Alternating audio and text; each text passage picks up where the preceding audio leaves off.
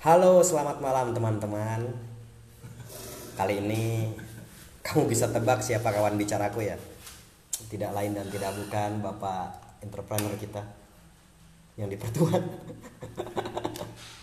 Bapak Widi, aku tuh mau ngobrol soal mindset bisnis, Pak.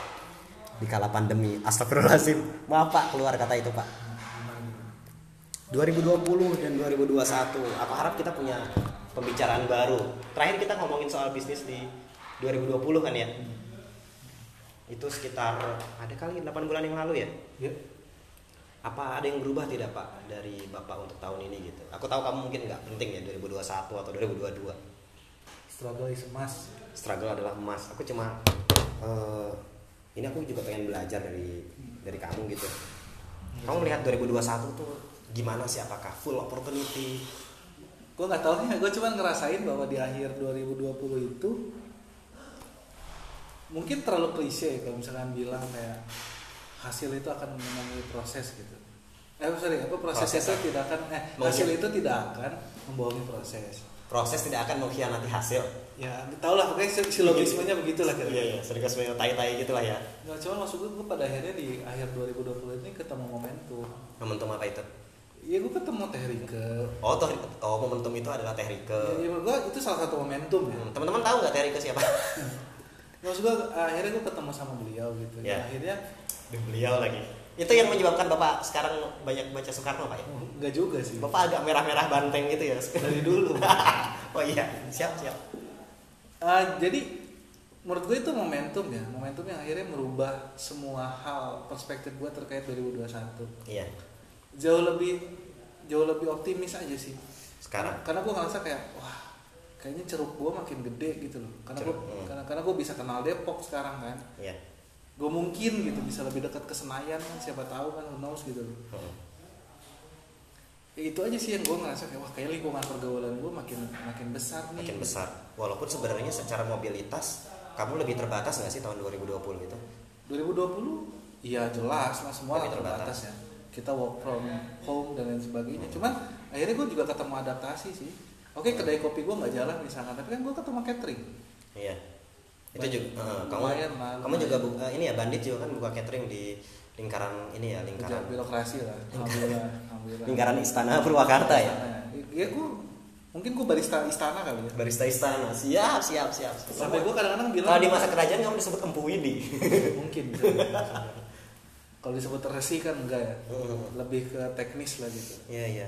Adaptasi yang kamu sebut tuh tadi adaptasi jaringan ya. Walaupun secara bisnis kamu sempat sempat tungkul ya 2020 itu. semuanya jelas lah pasti lah. Iya, iya. tidak ada maksudnya tidak ada bisnis yang tidak ada bisnis yang tidak terdampak gitu menurut gua semua juga pasti terdampak lah karena kan sifat dia kan masif ya Iya, dan bukan hanya locally gitu global gitu betul. cuman tadi gue bilang gue ketemu adaptasinya caranya adalah misalkan satu gue bisa cateringan itu alhamdulillah masih bisa bikin Hmm. gue berjalan lah yang keduanya juga ternyata dari perpindahan pergaulan itu juga banyak hal sih benefit-benefit yang gue dapet gitu loh Kamu membentuk jaringan itu online atau offline? Sebenarnya. Keduanya. cuman cuman lebih banyak di offline sih Hmm. Teknisnya gimana sih kamu? Apakah kamu misalnya nge-DM Deddy Mulyadi gitu? oh, enggak sih enggak, Enggak sih Maaf, Pak. itu terlalu teras ya, Pak? enggak kalau nge-DM tuh kayaknya enggak sih Enggak. karena maksud gue gini by personal udah kenal sejak lama cuman kedekatan itu ternyata lebih kebangun lewat kopinya gitu. Hmm. Karena dia DPR tuh mulai ngegabut ya pas mungkin juga ya akhirnya nggak juga sih. akhirnya mereka kayak flashback gitu loh teman-teman gue yang dulu mana ya? gitu. Ya enggak sih pak? DM juga mungkin gitu Deddy Mulyadi gitu mungkin. gue juga nggak tahu ya. Maksudnya secara secara alam kebatinannya gue nggak tahu kan. Hmm. tapi kalau misalkan dilihat dari sisi bahwa akhirnya gue ketarik di urusan kopinya gue mungkin lebih lihat mungkin lebih ke persona kali ya. Iya orang lebih kenal gue sebagai pelaku kopi gitu Iya, iya. maksudnya dan momentum itu mau nggak mau ngebantu gue sih di Hmm. 2020 akhirnya gue bisa survive nggak hanya dari kedainya oh iya gue terselamatkan dari personanya mungkin sih persona yang kamu bangun selama ini Nah, persona bahwa gue adalah pelaku kopi Hmm. bahwa katanya gue bisa bikin kopi enak dan kopi Iya. gue kebetulan diterima oleh lidah mereka dan Hmm. oke gitu Hmm. loh akhirnya bisa diterima di cateringnya segala Hmm. macam gitu jalan dari situnya sih Hmm, gitu-gitu. Apakah eh, keberadaan kopisofi.com ini membantu bapak gitu? Nah, kan gue gini, kalau untuk urusan itu yang pertama yang nggak bisa enggak sih ini bukan peres sih gue tanpa Iya, iya. tanpa Kang Farid Woi. tanpa Bapak Ahmad Farid ini yang ngurusin website gue kayaknya nggak bisa jalan gitu Hmm. cuman lagi-lagi gini Rid gue kan sering ngomong ke lu soal yang ide gue sangat Farid Steffi banget sih urusan ini gitu Oh iya iya iya. Farid Steffiisme banget gitu dia kan Hmm. dia kan nge- ngebilah ngebilah antara mana cuan mana ego dan mana sosial gitu Iya iya. gue nggak bisa bilang bahwa misalkan kayak kopi Sofi ini gimana sih impactnya karena gue nggak gua nggak pernah naruh nggak pernah naruh ekspektasi apa pun ke kopi Sofi gitu karena Iya. kopi Sofi lebih ke Ego. ego gue aja gitu Hmm.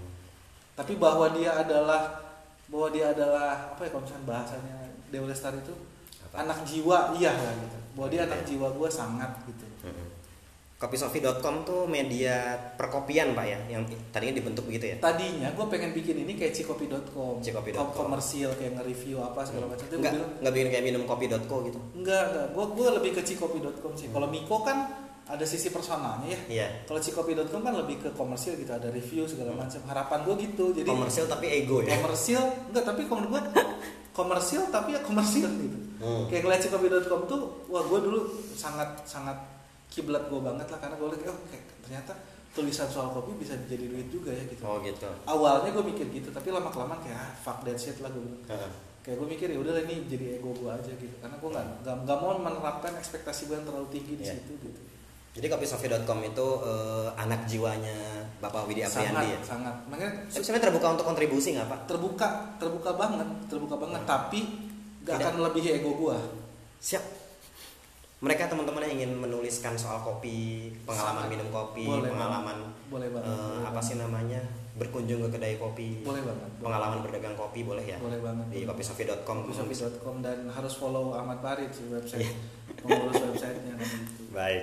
Jadi apa yang aku catat itu Bapak melihat 2021 itu apa ya? Perpanjangan dari 2020 ya? bahwa enggak gue, gue percaya bahwa kayaknya pandemi si bangsat ini nggak akan segera selesai di Betul, betul. 2021 cuman mungkin gue ngerasa sudut pandang gue jauh lebih lebar karena gue punya peluang merambah dunia pergaulan yang baru mungkin sisi gue gue nggak bilang gue optimis ya lebih ke excited mungkin gitu Hmm, itu nggak optimis ya Pak? Gak tau deh, gue gue ngerti maksudnya excited dengan optimis beda kan? ya? Optimis lu kayak lu kayak ngeliat Wah ini bakal oh bakal kayak Cuman pintu, gede. kayak pintu emas tuh di depan gitu. Kalau kayak kalau excited kan lebih ke kayak wah ada pintu emas ya. Gitu. Baru ke sana kan.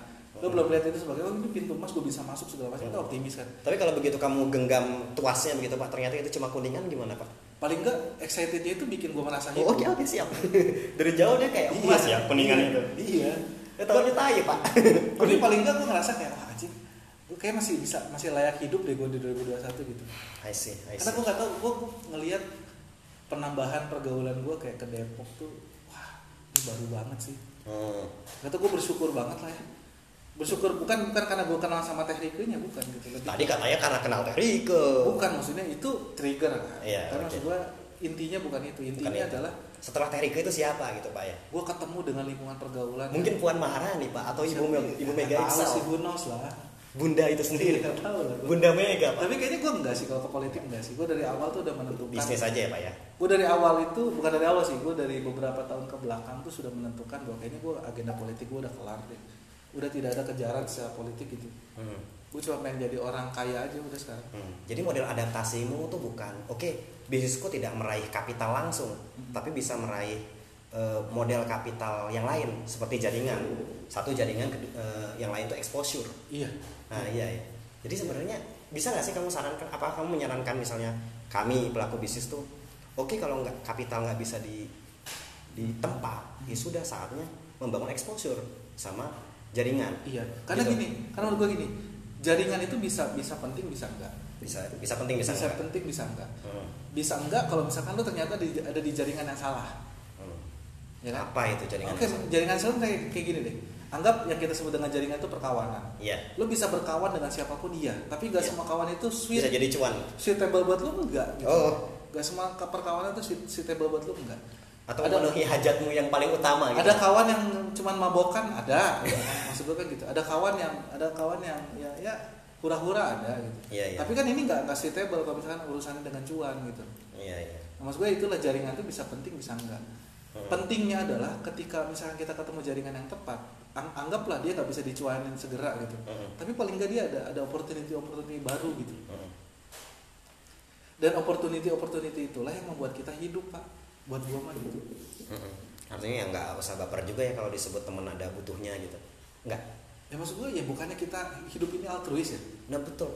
Altruis itu kan tanpa kebutuhan pak. Ya nggak maksudnya kita tuh saling saling ini loh saling apa namanya maksudnya Saling butuh gitu. saling butuh gitu loh. Iya. Iya kan? Orang tuh karena baper banget ya nyebut gitu kayak lo datang ada butuhnya doang. Emang kapan sih manusia dengan manusia yang lain tidak maksud ada gua butuhnya itu? bukankah kita dari awal sebelum ketemu duit juga udah ada barter ya betul sekali pak. Barter itu kan bukannya pemenuhan kebutuhan yang satu punya satu Hmm. yang satu punya satu. Ataupun kalau sifatnya tidak transaksional begitu kan bisa jadi kayak support apa gitu. Iya iya bener banget. Kan kalau gue menurut gue gini gue dekat sama lu juga bukan karena bukan karena sebab tanpa sebab gitu. Gue Iya, kenal sama lu kan karena lu punya sesuatu yang ditawarin. Mm-mm. sesuatu yang ditawarin misalkan adalah gue percaya lu penulis prosa yang baik misalnya Wis. Jadi serius gue misalnya top 10 tuh salah satunya Ahmad Farid Wis. serius gue di atas Dewa Lestari atau di bawah Dewa Lestari? ya tujuh delapan lah. Oh tujuh Tujuh delapan. Delapan. Eh, Pram di mana pak? Pokoknya lu kayak so- kayak misalnya Ahmad Farid Firsa. Firsa di bawah. Firsa besar di bawah. Oke oke. Gitu. tapi tetap sih yang nomor satu gue masih Gunawan Muhammad kamu punya, punya. Oke. Mari kita lepas obrolan itu. Punya saran apa gitu pak buat kami semua? Aku kan bagaimanapun juga pelaku bisnis ya. Hmm. Punya saran apa gitu apakah Eh, menurut gue yang paling penting itu adalah gini nggak selalu ya gue Nggak nggak tahu selalu. mungkin lu boleh bilangnya tai atau klise gitu Tai. bener saya aja deh pak menurut gue will itu yang paling penting sih Will. will jadi kata kuncimu tahun ini adalah will, will, will. selalu lu oh selalu. kamu nggak ada perbaruan kata Gak kuncimu ada, gak ada, nggak ada Will gue selalu gitu. Kehendak kita harus pertama sih maksud gue. Karena kalau misalnya udah punya will yang kuat, kayaknya lu akan, gue gak, gue gak mau bilang ini menghalalkan segala cara ya. ya Maksudnya lu akan menempuh segala cara yang halal gitu. ya Kalau misalnya paling tidak yang cocok dengan kompas moralmu lah Iya gitu. Maksud gue semua semua hal menurut gue bisa diadaptasi sih. Gitu. Oke. will will untuk cari cuan misalnya iya pak iya. ya will cari Maksudnya cuan ketika lu udah punya will nih, segala tantangan tuh lu akan adaptasi sih. Siapa sih hari hari ini yang tidak dirugikan dari pandemi semua juga rugi kok. Tapi kan ada yang bisa beradaptasi, ada yang enggak. iya ya Iyalah. Bedanya survive for the fittest itu ya Be- bedanya mungkin menurut gua adalah ada sangat darwinis sekali ya pak. Gue lebih ke yang sifatnya pengen bertahan sih mungkin iya makanya. Survive untuk yang fittest aja gue nggak tahu apakah itu masuk sebagai darwinis atau ya tuntutan alamiah aja gitu. Hmm, iya. cuman gue merasa jauh lebih terbuka untuk adaptasi aja. Itu mungkin yang sangat Qurani ya apa sih namanya? Hmm, enggak sih gue nggak ke sana. Kuliah kaum malu ala makanatikum. nah, terus yang kedua kayak menurut gue gini. Nah, satu tuh will ya yang kedua tuh lebih ke kayak apa ya lo mau nggak sih ada eh, gini eh, namanya tuh pivot model bisnisnya gitu. Pindah ya? Pivot tuh lebih kayak ngubah arahnya gitu. Mm-mm. lo lo gak bisa strict di situ. Maksudnya kalau lo tau nih pandemi pandemi lo kehalangin lo bisa pivot. Menurut gue banyak hal sih bisa kita lakukan gitu. Contoh pak contoh? Contoh misalnya kayak gue 2021 ini ya mimpi besar gue adalah oke ini gue sekarang punya tempat sekarang ya Badut Iya. udah punya tempat segala macam. Nilainya juga nggak sedikit. Hmm, secara kalkulasi bisnis gue ini ba- bangsat sih. Ya. maksudnya udah di luar budget gue lah gitu kan. Gue misalnya cerita nominal misalnya dari asalnya anggarannya cuma 2 juta ternyata realisasinya naik 15 ternyata jebol lagi gue 20 35 endingnya di 35 itu pak ya. Itu ini kan- pengeluaran di saat yang tidak tepat itu pengeluaran secara kalkulasi bisnis bangsat memang. Ini kan ngebongkar tabungan gue mesti ngeluarin sesuatu yang di saat yang tidak tepat. Tapi ini gue ngepush lagi ngepush diri untuk oke gue mesti adaptasi lagi nih pivot model bisnis yang lain. Apa itu? Ya gue sekarang lagi pengen bikin LKP lembaga khusus dan pelatihan. Hmm, gitu ya pak ya. Nanti ini juga jadi eh, apa? Maklumat maklumat untuk Iya. teman-teman gitu. Kalau Iya. teman-teman punya kepikiran untuk buka kedai Hmm. mungkin secara virtual atau bagaimana Iya. gitu ya. Karena gimana pun juga kedai itu dilarang-larang ngumpulin kerumunan ya. Angger ada kerumunan itu diperlukan. Bukan maksud gue sebenarnya nggak cuma kedai ya. Gue kadang-kadang mikir kayak Pemda mikir gak sih maksud gue Ya. yang kerumunan itu kan bukan cuma kedai loh. Oh gitu ya? Ya iyalah rumah makan kan juga sama kerumunan juga. Oke siap. Kenapa Iya, iya. cuma harus kedai yang cuma jadi fokus gitu? Mm-mm. dan bangsatnya kan nggak semua kedai juga. Kan betul. Ada beberapa kedai yang santai-santai aja kok sampai hari ini. Mm-mm. mau psbb mau enggak sekut-sekut Iya, aja. Sekarang mah akhirnya apa ya orang berhadapan dengan eh, pandemi gitu ya. Nah maksud gue gini gue tuh nggak mau ribut di urusan kayak gitu kan. Iya, kayak, iya, iya. kayak misalkan kayak oh kok orang di orang dibubarin gue enggak kalau gue ya lebih mikir kayak udah gue adaptasi aja sih Heeh. oke mungkin ada orang yang punya value misalkan kayak oke lo mungkin eh, punya keluarga istimewa mungkin gitu loh lo lahir dari golongan yang brahmana gitu kan Hmm. sehingga pemerintah segan gitu misalnya buat negur lu gitu misalnya kalau ya kan kan ada kelas-kelas yang sudra gitu kan yang rakyat jelata gitu loh Iya, iya, yang nggak iya. punya backingan segala macam gitu kan anggaplah misalnya asumsi jelek gue backingan deh misalnya Hmm. kan nggak sedikit kelas yang nggak punya backingan polosan segala macam gitu menurut gue kalau misalnya kita selalu ribut di sana kayaknya ya udah sih kita kurang udah berarti kan tinggal nyari jalan yang lain gitu Iya. Adaptasi yang kamu maksud di awal itu iya banyak kali pivot itu ya. pivot aja Pivot aja. kalau gue mungkin alhamdulillahnya ketemunya di catering kan Mm-mm. gue gue nggak tahu teman-teman yang lain Mm. ketemu pivotnya di mana kalau gue sih satu catering yang kedua gue ngerubah model bisnisnya oh kedai kopi nggak boleh kerumunan oke Mm-mm. tapi kan pendidikannya boleh Iya. bisa dibatasi Bisa dia dibatasi. bisa daring ya kan Mm. Bisa Itu kan- offline tapi nggak Iya, diumumkan. iya, iya, tapi, kan, tapi kan itu juga jadi bagian industri, industri kopi juga kan maksudnya industri kopi kan juga bukan hanya soal jasa loh Hmm. Ada hal lain nggak pak maksudku yang mesti teman-teman lakuin gitu? Apakah berjejaring dengan sesama orang yang sedang usaha juga? iya itu bener- penting sih karena menurut gue sekarang nggak bisa nih kita melakukan sendirian segala sesuatu itu bisa kita harus berjejaring. Kamu di Purwakarta gitu pak, eh, yang punya bisnis kopi itu berjejaring nggak sih sebenarnya? Kalau gue berjejaring sih. Di Purwakarta? iya. Saling bicara gitu ini masalah masing-masing apa gitu? gue nggak tahu ya pada tingkat pemahaman lu saling berbicara dalam konteks komunitas atau apa gitu. Hmm. kalau gue secara bisnis sudah berjejaring. Maksud gue adalah gue gue ngambil supply kopi misalkan dari mana gitu. Terus Hmm. misalkan gue konsultasi bisnis dengan siapa Oh itu. oh iyalah gue gue punya server-server yang gak keganggu sih Oh. sehingga ketika ada kan kita kalau misalnya kita nggak punya kolaborasi yang baik lu dia hajar pasar udah Hmm. contoh misalkan ketika susu Dihajar pesaing juga nggak? ya gue bodo amat sih Oke, oke. gue lebih takut kayak misalkan ada orang yang menguasai pasar misalkan dia komoditas susu misalkan Hmm. cuma satu bayangin kalau misalkan cuma satu pintu satu hari dia nggak mau jualan susu jadi mahal loh Iya. Oh monopoli itu ya, ya? iya lah makanya gue gue push teman-teman gue untuk ya lo fokus deh kalau misalkan eh, punya roast bean kalau misalnya lo mau disuplai susunya suplai susunya ntar gue ambil ke lu kok gitu Hmm. sehingga eh, supply chain gue aman rantai rantai supply gue aman Biar nggak dimainin sama si pemonopoli. ya? itulah maksud gue pentingnya berjejaring itu itu cuman kalau misalnya dalam artian komunitas gue nggak terlalu ini sih sekarang tuh gimana ya kadang-kadang gue nggak suka terlalu berisik gitu loh maksudnya berisik dalam artian komunitas ngobrol doang gitu enggak gue gue kayak udah nggak di udah nggak di situ deh gitu loh Oke. gue lebih ke kayak yuk kita ngumpul bareng apa yang bisa kita kerjain bareng lo bisa lo bisa ngurus supply chain gue nggak oh bisa ya udah jalan bareng kita gitu kan Hmm. Itu bisa berlaku di bisnis lain nggak pak? Misalnya aku kan penerbitan sebenarnya bisa sih Bisa ya. Tapi kan pemainnya nggak banyak pak. ya kalau menurut gua oke pemainnya gak banyak tapi kan kalau yang sedikit bisa ditarik jadi satu tim kan bukan masalah banyak dan sedikitnya kan Oke. Per- tapi kan titik pertemuan kepentingannya gitu Hmm.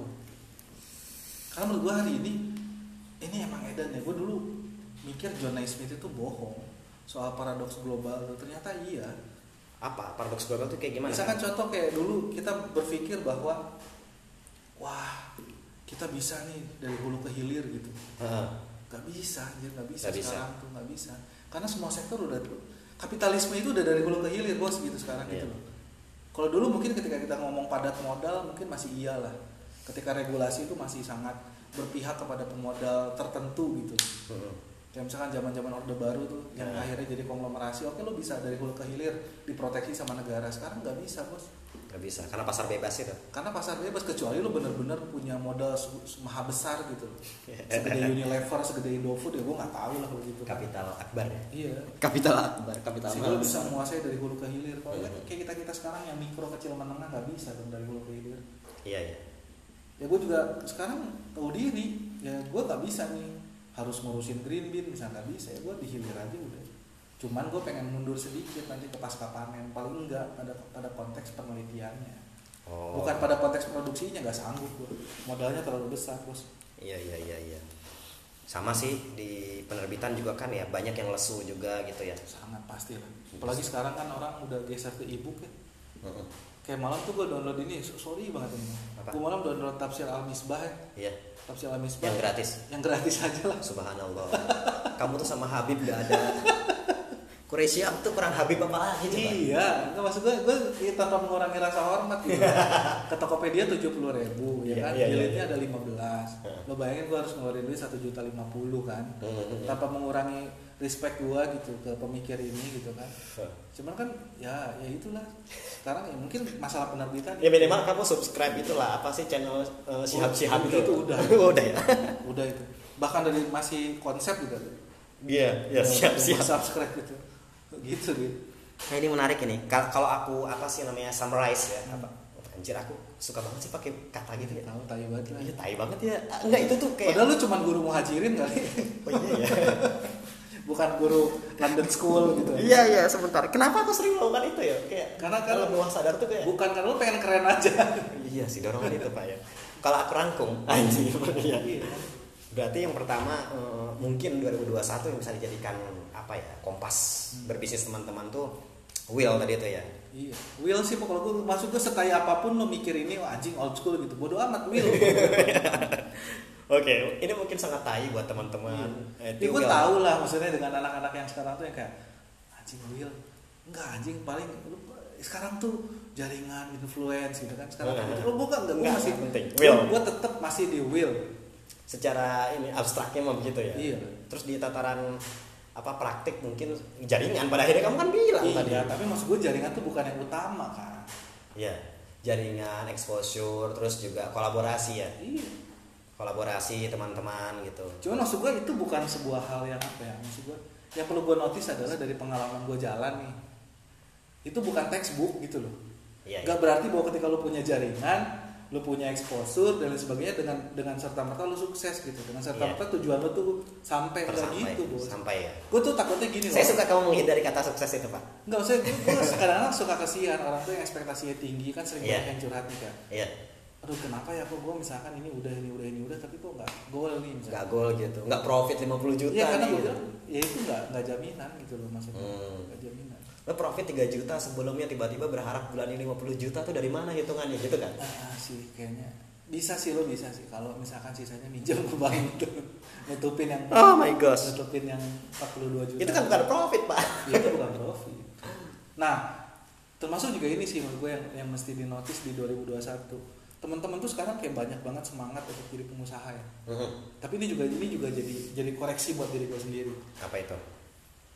Waktu itu gue nonton podcastnya siapa tuh yang mantan menteri perdagangan tuh Yang mana? yang podcastnya tuh yang endgame itu loh Oh, enggak tahu aku. ah, itu lo mesti nonton deh itu keren banget ya Apa dia bilang? dia bilang gini hari ini tuh kita hidup di era yang menjadi pengusaha tuh gampang banget Gampang banget. Tapi juga gampang bubuknya. bukan ya? bunga bank sangat murah Oh gitu. iya sekarang 5% 7% lo bayangin di orde baru waktu itu kan 32% kan Iya, terus gak semua orang bisa minjem bank yang kedua infrastruktur untuk bisnis tuh jauh lebih mudah sekarang hmm. ya kan apa yang nggak punya misalkan gitu Iya. sekarang saluran sosial media banyak Hmm. marketing nggak hanya offline online nya banyak Hmm. artinya banyak biaya-biaya yang bisnis yang bisa dikurangi artinya biaya bisnis hari ini tuh murah banget Hmm. tapi tetap kata dia nih, Persaingannya ketat. yang yang sangat nyelekit bahasa dia adalah gini semua orang bisa memulai bisnisnya. Hmm. tapi tidak semua orang adalah pengusaha pak. Wah. menurut gua ini iya sih maksud gue ini yang perlu dinotis bahwa oke lu punya semangat tinggi buat bisnis iya gitu. Tapi yang jadi masalah adalah lu jangan lupa fundamental bisnisnya sendiri. Makanya gue bilang tadi setai-tainya gue bilang will itu pertama. Hmm. karena will adanya will atau enggak itulah yang ngebedain lu pengusaha atau enggak itu aja sih. Itu aja ini akan kelihatan sih di saat lu ngerasa bubuk kalau lu punya will ya masih tetap let's go sih kalau kata gue Hmm.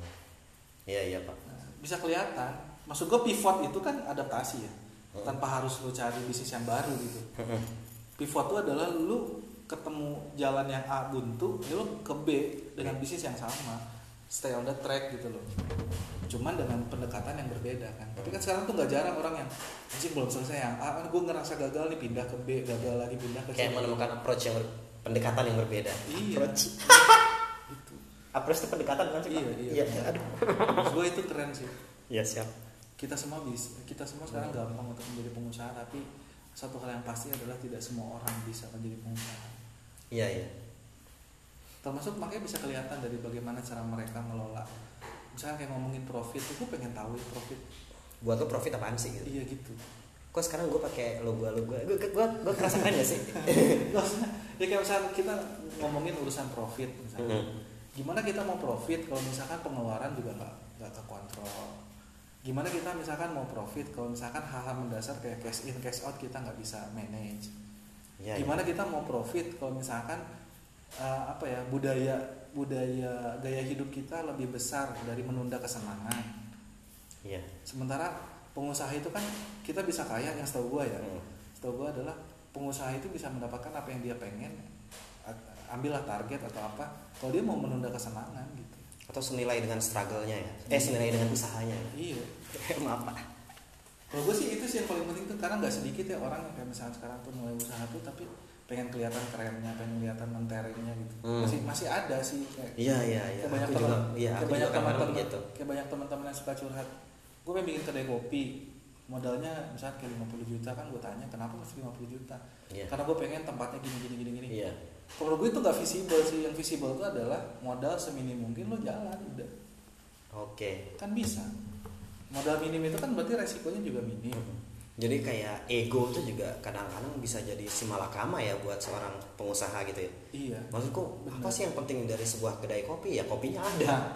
Nah ini juga akhirnya jadi jadi jadi ini ya dari pengalaman. Yang, yang pertama adalah gue punya mentor. Dan mentor gue ini sangat ngena sih per- apa sangat ngena rekomendasinya ke gue jadi dia bilang gini Wid pada akhirnya bisnis dulu itu adalah urusan kaya atau miskin karena bisnis bisa membuat lu kaya dan bisa membuat lu miskin. Kedua Oh. per- kedua peluang itu ada ketika lo bisnis. Iya iya. Pada akhirnya end game dari bisnis adalah itu kaya atau miskin. Bukan keren atau enggak nggak ada pilihan keren atau enggak nggak ada. Oh iya. Oh iya. Oh iya. Fuck.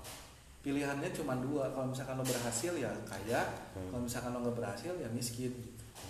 Aku kan miskin nih pak. Nah. miskin nih. Kamu tahu aku usaha juga Nah. macam-macam. Kamu ada saran nggak buat tuh kayak apakah aku masalah masalah lu tuh aku adalah- melakukan sesuatu untuk keren doang ya? Bukan bukan. Masalah lu tuh adalah lu lu nggak ngerti manajemen keuangan itu aja sih. Satu itu. Gue tuh selalu nggak tahu kenapa ya. Masalah dasar gue tuh selalu ngasih tau ke orang tuh itu. Cek dulu keuangan lu gitu loh. Minus pak. Ya maksudnya kenapa dia bisa minus? Karena lu nggak bisa ngatur uang masuk sama uang keluar kan hal itu kan uang tuh nggak bisa gini loh Dit. uang tuh nggak keluar dengan sendirinya dan nggak masuk dengan sendirinya dong. Iya pak ya. Pasti ada niatan gitu kan. Dia keluar dengan maksud ingin eh, apa sih namanya membuat orang lain terkesan. Nah bisa jadi gitu kan. Gue gue nggak perlu lah maksudnya kayak kayak sekarang gini ya misalkan. Hal yang paling sederhana aja misalkan. Gue pengeluaran besar besar hmm. contoh misalkan kayak gue ini orang yang sangat kedai able banget gitu. Ya gue nggak bisa sehari nggak ke kedai ke orang gitu. kedai itu nggak bisa karena gue nulis harus di kedai. Woi, Benar. lifestyle anda mahal juga pak ya? Nah bedanya gini gue nggak nyebut itu lifestyle gue nyebut itu biaya produksi. Wajib Karena- mindset itu ya? Iya karena Luar karena gue gini setiap gue nulis ke kedai gue harus pastiin ini harus jadi duit. Waduh. Kalau nggak jadi duit paling nggak jadi opportunity. Jadi gue nganggapnya ngopi itu opportunity cost, opportunity cost biaya kesempatan bagian dari biaya kesempatan. Saya tuh nggak bisa gitu pak nulis dengan apa ya dengan will untuk mencari cuan itu, itu pak. dia gue nggak ngerti gimana ngejelasin. Iya. makanya Itu bodoh, Pak, ya? will itu pertama gitu. Kalau gue gitu sih. Saya harus cuan pak. Harus cuan. Nggak tahu kenapa gue orang yang sangat cuan cuan cuanisme banget lah. Iya. Cuanism dan itu juga nggak jijik ya sebenarnya. Maksudnya itu sangat kemandirian gitu. Kayak banyak banget sih kan. Aku kan beririsan dengan eh, seniman terus juga beririsan dengan eh, kreator yang mendaku dirinya idealis gitu. Dan mereka memilah mana kerja. Gue nggak tahu ya sekarang Menghasilkan uang gini gini maksud gue nggak tahu sekarang tuh batasan idealisme itu apa ya? Betul. Batasan idealisme menurut gue adalah gue nggak mau miskin aja. Haji iya kan? Hmm. ya karena gue tahu miskin itu nggak ideal. Hmm. iya. Ya kan? mungkin kalau aku tidak mau bergantung dengan orang lain ya pak ya. Nah, maksudku aku kadang-kadang kan hari ini proyek eh, apa sosial atau proyek kapital. Aku nggak tahu mungkin keduanya bilang gitu. Kalau dia menyelesaikan masalah orang sebenarnya kan dia punya nilai sosial tertentu. Kalau dia akhirnya menghasilkan uang itu kan kapital gitu. Atau kalau kita memberikan bonus tuh itu sosial kapital juga kita berharap dia menjadi Iya, iya. eh, konsumen yang loyal gitu. Persoalan nanti di sana gagal atau tidak ya gimana nanti gitu. Iya sepakat gue jadi pada akhirnya ya gue juga nggak tahu apakah ini ideal atau nggak ideal. Cuman bat- batasan gue adalah bahwa kenapa gue, bisnis padahal tadi gue dikasih tahu bahwa demarkasi bisnis itu cuma dua Hmm. Apa itu demarkasi pak? Bapak juga Iya, garis sangat ingin sok keren ya bukan bukan ingin sok keren Demarkasi itu apa pak? Pem- pembedaannya kan cuma Oh, dua gitu sih. pembedaannya cuma dua lo mau kaya atau mau miskin Iya. nah kalau misalkan bisnis lo keren cuma untuk ada endingnya adalah miskin ya ngapain Ya juga sih. kan gue juga bikin kayak gini nih yang sekarang hari ini anggaplah misalkan orang bisa bilang atau gue sendiri bisa bilang ini keren gitu Mm-mm. tapi kan endingnya bukan buat keren endingnya adalah gue pengen ini menjadi sarana yang menunjang Kecuanan. kecuanan gue supaya jauh lebih besar daripada nilai investasinya Kecuanan yang maha esa lah pak ya. Atau kecuanan yang adil dan beradab pak. yang Kecuanan yang dibicarakan dalam permusyawaratan. misalkan per waktu Wow. kan gue nggak tahu ya cuan yang adil dan beradab tuh kayak gimana tahu. di era kapitalistik begini nggak tahu gitu Cuan yang adil dan beradab ya. Pak. Nah cuman sekali lagi nih, yang gue pengen ceritain adalah bahwa teman-teman yang sama sobat miskin kayak gue adalah lo mesti punya instrumen keuangan. Apa itu instru- instrumen keuangan? Instrumen keuangan tuh kayak, kayak gini, bahwa lo punya jaminan deh, karena itulah yang membedakan orang kaya dengan orang miskin. Kenapa orang kaya makin kaya? Karena dia punya jaminan. Maksud kamu punya aset? Iya, dan aset itu kan nggak perlu dalam bentuk tanah, sertifikat hak milik gitu kan nggak perlu. Nggak perlu apa? Hari ini yang penting kan gini loh. Yang menarik adalah pada sistem kapitalisme ini adalah dia bekerja berdasarkan underlying, berdasarkan jaminan. Hmm. Nah, jaminan itu nggak hanya dalam bentuk fisik gitu loh. Tapi dia juga bisa dalam bentuk instrumen keuangan. Deposito. contoh. Deposito, obligasi, Hmm. segala macam lah maksudnya. Tapi apa sih yang paling murah di antara itu semua? Apakah BPKB motor pak? BPKB motor bisa, cuman apa ya maksud gue? Dia lebih ke aset sih ya. Kan dia kegerus, dia kegerus Kan kita inflasi. bicara aset tadi. Enggak maksud gini, dia kan kegerus inflasi. Oh yang tidak tergerus inflasi. Ya, Artinya yang nilainya terus iya, naik. Deposit. Nah, misalnya di- disebut terus-terusan naik juga enggak. Paling enggak dia stabil gitu loh. Hmm. Emas pak. Misalkan contoh deposito atau emas. Hmm. Maksud gue adalah teman-teman tuh udah harus sadar instrumen-instrumen kayak gitu. Ah, Misalkan kayak kita gimana, lu misalnya cerita soal ekspansi misalkan. ya. Gak tau ada orang yang sekarang tuh jijik soal hutang ke bank misalnya kalau gue Ah. enggak sih, gue biasa. Maksudnya pada sisi gue lebih orang yang moderat sih. Hmm. Gue pikir gue perlu bank kok suatu saat nanti untuk ekspansi, cuman gue belajar banyak soal hutang baik dan hutang yang tidak baik gitu. Hutang baik kan adalah hutang yang bisa diselesaikan. Yang maksudnya tuh yang yang perencanaan kita terhadap hutang itu dan kemudian realisasinya ya 80 100% lah. Kalau hutang tidak baik itu kan yang tidak direncanakan gitu loh, Pak. Biasanya yang melahir tuh dari kebutuhan-kebutuhan kebutuhan-kebutuhan temporal gitu, konsumtif tuh biasanya hutang-hutang gak baik tuh Iya, iya. kayak misalnya lu beli baju gue ngambil dulu deh atau mau beli tas Pakai pay later lah. Ih, Hmm, Oke oke. Kecuali kalau kamu seandainya Nah. adalah jadi lu harus punya instrumen keuangan serendah-rendahnya deposito lah bukan BPKB motor pak ya? dia kegerus inflasi Rit. Oh iya iya. Misalnya lu punya bid sekarang 8 juta kan belum tentu tahun depan nilainya sama Betul. kalau deposito kan enggak dia satu nggak kena dia nggak kena administrasi bank Aku senang, maksudku aku senang yang kamu bilang bahwa bekal pebisnis itu ya sadar Melek literasi keuangan. keuangan. ya. Iya, jelas. Salah eh, dalam prakteknya itu salah satunya sadar pentingnya nabung. Betul. Sama instrumen-instrumen yang nah itu maksud gue relatif stabil. lagi nih misalnya ketika orang melek soal profit gue yakin dia melek soal nabung yakin gue Hmm.